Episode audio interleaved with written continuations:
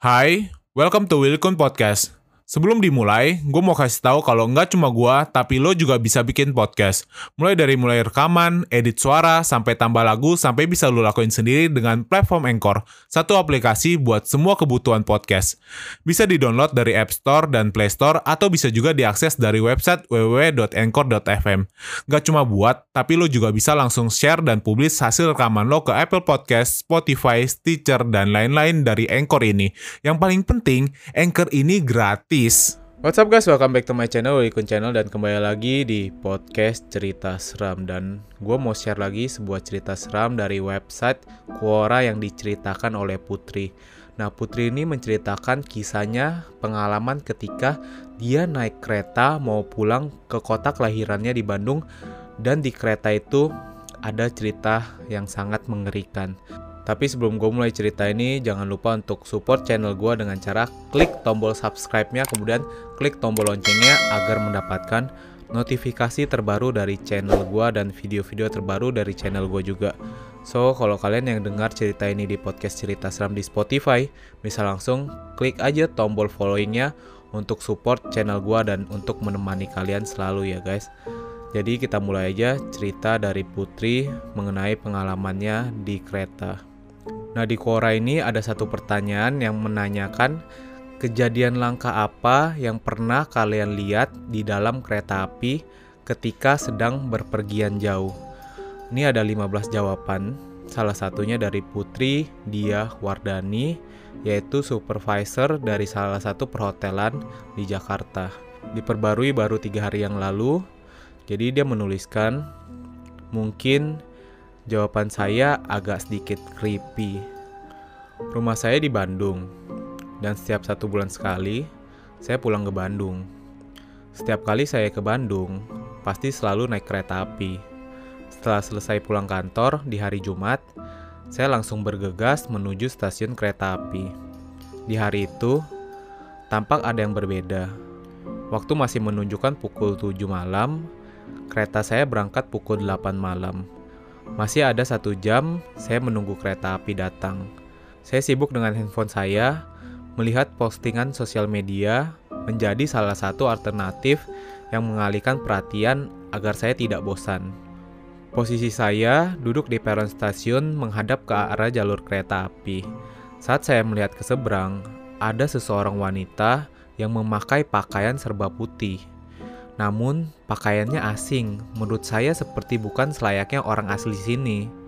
Saya sempat mengerutkan dahi, saya sambil melihat baik-baik wanita tersebut karena jarak yang agak jauh, saya tidak bisa melihat jelas mukanya. Ah, kok saya jadi merhatiin orang yang tak saya kenal? Maka dari itu, saya berhenti melihat wanita itu. Kereta saya pun datang, lalu saya bersiap untuk menaiki kereta. Sebelum kepala kereta melewatin saya, saya berdiri dan menatap wanita di seberang tadi yang memakai baju serba putih. Tiba-tiba, wanita itu tersenyum, lalu kepala kereta melewati saya. Saya merasa aneh. Saat di dalam kereta, saya mulai mencari gerbong dan tempat duduk saya. Nah, sudah ketemu gerbong 3 nomor 13D. Saya duduk dan saya mulai menyimpan tas saya di bawah kaki. Kemudian saya mengatur tempat duduk saya dan mulai mengeluarkan handphone saya kembali. Saat saya melihat keluar jendela, wanita tadi masih ada di sana, tetapi posisinya berubah. Yang tadinya duduk, sekarang berdiri. Saya tidak mau ambil pusing dengan wanita tersebut, lalu saya mulai bermain handphone saya kembali. Waktu sudah menunjukkan pukul 7 lewat 59. Sebentar lagi berangkat nih pikir saya. Tapi saya heran, kenapa gerbong ini sepi? Biasanya orang-orang seperti saya yang selesai bekerja langsung memenuhi gerbong kereta ini. Ini sangat aneh. Pengumuman pun berbunyi seperti biasa, tapi benar-benar tidak ada satu orang pun yang ada di gerbong ini selain saya. Saya betul-betul merasakan berheran-heran. Kereta pun mulai bergerak. Saya mulai mengambil earphone saya untuk mendengarkan musik dan sambil memejamkan mata. Kereta pun mulai melaju dengan cepat, sekitar 45 menit, sudah mulai berhenti di stasiun berikutnya untuk mengambil penumpang kembali. Saya melihat sudah banyak yang menunggu di pinggir peron rel kereta. Lalu mulai berdatangan orang-orang ke dalam kereta dan mengambil posisi duduk masing-masing. Yang saya herankan, kok tidak ada yang membawa satupun tas atau koper yang orang-orang ini. Mereka dengan muka masam masuk lalu duduk. Saya sudah merasa ada yang aneh, tapi saya melawan itu. Saya tetap duduk dan memejamkan mata sambil mendengarkan musik. Kereta mulai berjalan kembali. Sekitar 20 menit dari stasiun tadi, saya ingin ke toilet. Kebetulan, di tempat duduk saya, hanya saya saja yang duduk, jadi memudahkan saya untuk keluar dari tempat duduk. Saya melangkah ke arah toilet. Kebetulan toiletnya ini ada dua, jadi saya bisa memilih. Saat saya di dalam toilet, tiba-tiba lampu kamar mandi mati. Saya menyalakan lampu dari handphone saya, lalu saya cepat-cepat agar saya bisa keluar dari toilet ini. Saat saya keluar, tiba-tiba di depan pintu ada kondektur yang berdiri di situ. Mukanya pucat sekali seperti orang yang sedang sakit. Saya lalu bertanya pada kondektur tersebut, "Pak, lampunya mati ya. Saya jadi buru-buru. Kondektur itu hanya terdiam, lalu saya bertanya lagi, Pak, tolong dibetulin lampunya ya. Kondektor itu hanya mengangguk saja, saya agak sedikit bingung dengan kelakuan kondektor itu. Lalu saya kembali ke gerbong untuk duduk di tempat duduk saya. Saat menuju tempat duduk saya, ternyata gerbong itu penuh sekali. Tetapi semua orangnya diam, tidak ada yang berbicara. Saya sempat bingung dengan yang saya lihat, dan ternyata saat saya kembali di tempat duduk saya sudah ada wanita yang duduk di kursi sebelah saya. Saya melihat dia menggunakan pakaian yang serba putih, tapi mukanya pucat sekali. Saya bilang, "Permisi," saat saya mau duduk. Setelah saya duduk, sesekali saya melihat wanita yang ada di sebelah saya. Lalu saya memberanikan diri untuk bertanya, "Mbak, turun di mana?" karena masih ada beberapa perberhentian sebelum sampai di Bandung. Wanita itu tidak menjawab dan menyuruh saya diam dengan memakai bahasa isyarat, telunjuk tangan kanannya di samping bibirnya. Baiklah, saya diam. Tiba-tiba saya lapar dan sangat tumben sekali. Biasanya pramugari atau pramugara kereta sudah menawarkan makanan ke gerbong-gerbong. Akhirnya saya ambil tas saya yang ada di bawah kaki saya, lalu saya pergi ke gerbong makanan. Saya mengucapkan lagi permisi kepada wanita di samping tempat duduk saya karena saya mau keluar. Wanita itu berdiri tetapi hanya diam. Lalu saya mengucapkan terima kasih kembali dan saya berjalan lagi menelusuri lorong untuk ke gerbong makanan. Sepanjang lorong, saya memperhatikan orang-orang di gerbong ini. Ini sangat aneh karena betul-betul sunyi sekali. Saya melangkah, tapi entah kenapa kaki saya terasa sangat berat. Saya cek lagi kaki saya, tapi baik-baik saja. Mungkin kaki saya pegal, pikir saya begitu. Saya berhasil keluar dari gerbong itu, lalu menuju gerbong makanan. Sesampainya di gerbong makanan, ternyata sangat ramai sekali orang-orang yang makan di sana. Pramugari sedang melayani, ada yang sedang melakukan pekerjaan, ada yang berbincang dengan kawannya. Lalu saya duduk di depan pramugari yang sedang sibuk itu. Mbak, saya mau pesan makanan ya, nasi goreng aja. Lalu pramugari itu menjawab, Oke kak, ditunggu sebentar ya, sambil tersenyum. Saat pramugari itu memberikan pesanan saya, lalu dia bertanya, dari gerbong berapa kak? Lalu saya menjawab, gerbong tiga mbak, sambil saya mengambil sendok untuk mulai makan. Lalu pramugari tersebut bertanya lagi, gerbong tiga kak, eksekutif. Pramugari itu bertanya seperti memastikan. Saya pun menjawab, bukan mbak, ekonomi, sambil melahap makanan saya. Pramugari tersebut hanya terdiam, lalu mulai untuk melayani pelanggan yang lain. Saat saya sudah selesai makan, tiba-tiba saya dihampiri oleh kondektur di gerbong makan. What's up guys? Sebelum kita lanjut, kenalan dulu yuk sama temen gua, namanya Anchor. Anchor ini adalah all-in-one podcast editing platform yang membuat gua lebih mudah untuk rekaman, edit suara, tambah lagu, dan segala hal dalam pembuatan podcast yang sedang lo dengerin kali ini. Anchor juga bisa jadi temen lu juga loh. Cara tinggal download dari App Store atau Play Store, atau juga bisa diakses di www.anchor.fm. Jadi download Anchor sekarang ya. Mbak, bisa lihat tiketnya, sambil kondektur melihat handphonenya. Bisa pak, sebentar saya ambilkan. Saya mengambil tiket dari tas saya, lalu kondektur itu mengambil tiket saya untuk dilihat. Saya meneguk minuman sambil menunggu kondektur itu memeriksa tiket saya. Mbak, saya antar ke gerbong dan tempat duduknya ya, ucap kondektur itu. Lalu saya membalas, tidak usah pak, saya sendiri aja. Kondektur itu pun berkata lagi, soalnya dari tadi Saya cek tempat duduk ini kosong, Mbak. Saya pikir mbaknya belum tahu di mana gerbongnya dan tempat duduknya. Iya kan saya lagi di sini, Pak. Jadi mungkin saat Bapak cek saya sudah di sini duduk. Jelas saya ke kondektur itu. Mbak, saya cek dari jam keberangkatan dan saya sudah tiga kali bolak-balik ke gerbong tiga. Tapi tempat duduk mbak ini masih kosong. Saya pun mengerutkan dahi. Pak, dari keberangkatan, saya duduk kok di gerbong 3 kursi 13D. Masa Bapak nggak lihat saya? Lagian, tadi saya ketemu kondektur juga kok di depan toilet, tapi kondekturnya diem aja, padahal saya komplain lampunya mati. Orang-orang di situ pun melihat ke arah saya dan kondektur, lalu kondektur itu duduk di sebelah saya dan bertanya, Mbak, kondekturnya hari ini saya aja yang bertugas, tidak mungkin ada dua kondektur dalam satu perjalanan kereta. Kondektur itu pun menjelaskan dengan serius kepada saya, orang-orang sekitar melihat saya seperti ingin tahu apa yang terjadi. Lalu kondektur itu bertanya, Mbak, bisa jelasin dari awal Mbak masuk kereta ke saya? Saya pun mulai menceritakan dari awal saya menunggu di peron sampai naik ke gerbong dan duduk di tempat duduk saya yang tertera di tiket. Pokoknya saya ceritakan semuanya. Orang-orang sekitar saya pun menyimak yang saya ceritakan seperti penasaran apa yang telah terjadi. Kondektur pun paham dengan cerita saya, lalu mengambil air putih, kemudian kondektur itu mulai membacakan doa di air putih itu. Saya disuruh menghabiskan minuman itu, jangan sampai tersisa. Saya masih bingung sebenarnya apa yang telah terjadi. Saya menengok jam tangan ternyata waktu sudah menunjukkan pukul 10 malam. Kondektur tidak berkata apa-apa, lalu mengantarkan saya ke tempat duduk. Dan sangat aneh, gerbong yang saya injakan sekarang adalah gerbong yang sangat berbeda dengan gerbong yang saya injakan pertama kali.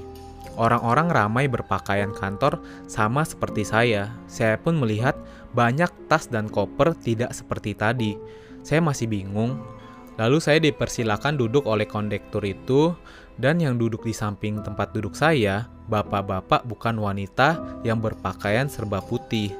Saat saya duduk, baru saya ingat wanita yang duduk di samping saya tadi adalah wanita yang sama saat saya melihat wanita itu di seberang peron rel kereta di stasiun saat akan berangkat.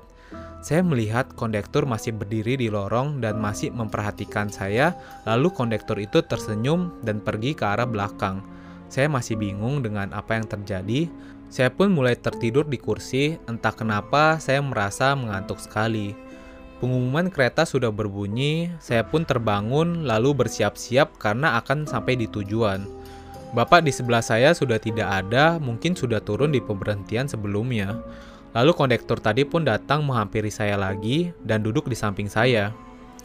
Mbak, ini air minum untuk Mbak. Nanti setelah keluar kereta, Mbak minum ini supaya tidak ada yang ngikutin Mbak ya. Kondektur itu berbicara dengan perlahan tetapi saya masih bingung apa yang sedang terjadi. Pak, ada apa sih pak? Saya jadi bingung. Tanya saya ke kondektur itu. Lalu kondektur itu memberikan secari kertas kepada saya lalu berkata, Mbak, saya sudah jelasin di kertas ini semuanya supaya Mbak tidak bingung dan agar tahu apa yang telah terjadi. Lalu kondektur itu pun pergi. Saya lihat di punggung kertas itu tertulis dibuka saat di rumah saja. Oke, kertas itu saya masukkan ke dalam tas, lalu saya berdiri dan mulai melewati lorong yang ramai orang-orang akan turun. Saya keluar kereta lalu melihat jam besar yang tertampang di langit-langit peron waktu menunjukkan pukul 23 lewat 27. Lalu saya berjalan menuju keluar dan melihat ayah dan ibu saya sudah menunggu saya untuk menjemput. Saya senang sekali dan langsung menghampiri mereka dan mencium pipi ayah dan ibu saya. Di jalan menuju ke rumah, saya menceritakan apa yang terjadi kepada saya ke ayah dan ibu saya. Ibu saya terkaget-kaget, ayah saya yang menyetir pun terheran-heran dengan yang saya ceritakan. Saya juga bilang kalau saya dikasih air minum dan kertas oleh kondektur, dan ibu saya menyuruh saya untuk segera meminum air yang diberikan oleh kondektur. Saya meminum air itu sampai habis, lalu entah kenapa badan saya merasa sangat ringan. Kertasnya saya berikan kepada ibu saya, tapi ibu saya tidak berani membacanya, jadi menyimpannya di tasnya. Ibu saya bilang, kalau sudah sampai, kita akan baca bersama-sama. Sesampainya di rumah, saya mulai bersih-bersih. Setelah bersih-bersih, saya duduk di meja makan dan ibu saya menyodorkan kertas yang diberikan oleh kondektur itu. Ibu saya sudah membacanya dan ibu saya heboh menceritakan kepada ayah saya sampai adik saya terbangun. Di kertas itu menceritakan apa yang sudah saya alami tetapi kondektur itu pun menulis jika surat ini sudah selesai dibaca, mohon segera dibakar. Dan kami pun membakar kertas itu. Tulisan di kertas itu seperti ini. Mohon Mbak jangan panik setelah membaca kertas ini. Saya memberitahu jika apa yang Mbak alami hari ini di kereta adalah salah satu dari banyak orang yang pernah mengalami. Mbak tadi masuk ke gerbong khusus selain gerbong nyata. Mbak salah masuk gerbong mungkin karena nomor gerbong dan tempat duduk yang Mbak duduki sama dengan wanita yang duduk di sebelah Mbak yang tadi Mbak ceritakan pada saya. Seharusnya Mbak tidak masuk gerbong itu. Tetapi saya bersyukur Mbak tidak terjebak di gerbong itu. Sepertinya wanita yang di samping Mbak tadi yang menolong Mbak agar tidak terjebak di sana. Tadi di kaki Mbak ada yang menggantung. Mungkin Mbak merasa kaki Mbak terasa berat. Maka dari itu, saya beri dua kali minuman untuk Mbak supaya benar-benar tidak ada yang ikut Mbak sampai di rumah. Mohon maaf Mbak setelah membaca surat ini, saya minta untuk dibakar saja suratnya. Terima kasih Mbak, semoga Mbak selalu sehat. Saya masih tidak percaya dengan kejadian ini. Saya juga tidak memperhatikan dengan nomor gerbong dan nomor tempat duduk saya setiap kali saya bepergian menggunakan kereta api. Tapi saya memang baru sadar kalau memang ada yang aneh dengan nomor gerbong dan tempat duduk itu. Ya sudah, ini sudah berlalu. Setiap kali saya kembali menggunakan kereta, saya berharap bisa bertemu lagi dengan kondektur itu. Tapi sampai sekarang saya tidak pernah menjumpai kondektur itu dan tak kenapa saya pun tiba-tiba lupa dengan nama kondektur itu. Lalu setelah cerita ini banyak dibaca oleh orang, Putri baru mengupdate koranya tiga hari yang lalu dia bilang, Halo teman-teman, maaf baru sempat buka kora lagi. Ya ampun, tidak disangka-sangka cerita saya ini banyak sekali upvote dan banyak yang baca. Maaf saya tidak bisa balas satu-satu komentar kalian dan saya akan coba jawab dan rangkum pertanyaan kalian. Kejadian ini sudah lama, bukan baru-baru ini. Dan untuk kalian yang ingin bepergian dengan kereta, saya sangat rekomendasikan karena tidak hanya nyaman tapi juga dapat tepat waktu. Oh iya, jangan gara-gara cerita saya ini, kalian jadi tidak mau duduk di gerbong 3 dan kursi 13D ya. Ini hanya kebetulan saja. Intinya, kalau bepergian harus tetap mengutamakan berdoa supaya dijauhkan dari hal-hal yang tidak baik. Nah itu dia cerita yang udah gue sampaikan kepada kalian. Terus gue mau ingetin, kalau kalian punya cerita atau pengalaman mistis, pengalaman gaib yang mau kalian share ke teman-teman podcast cerita seram, bisa langsung DM Instagram gue di Willy Kun. Ntar gue bakal ceritain ulang untuk di-share di podcast cerita seram. So guys, thank you guys for watching this video dan tetap bersama podcast cerita seram ya. See you guys.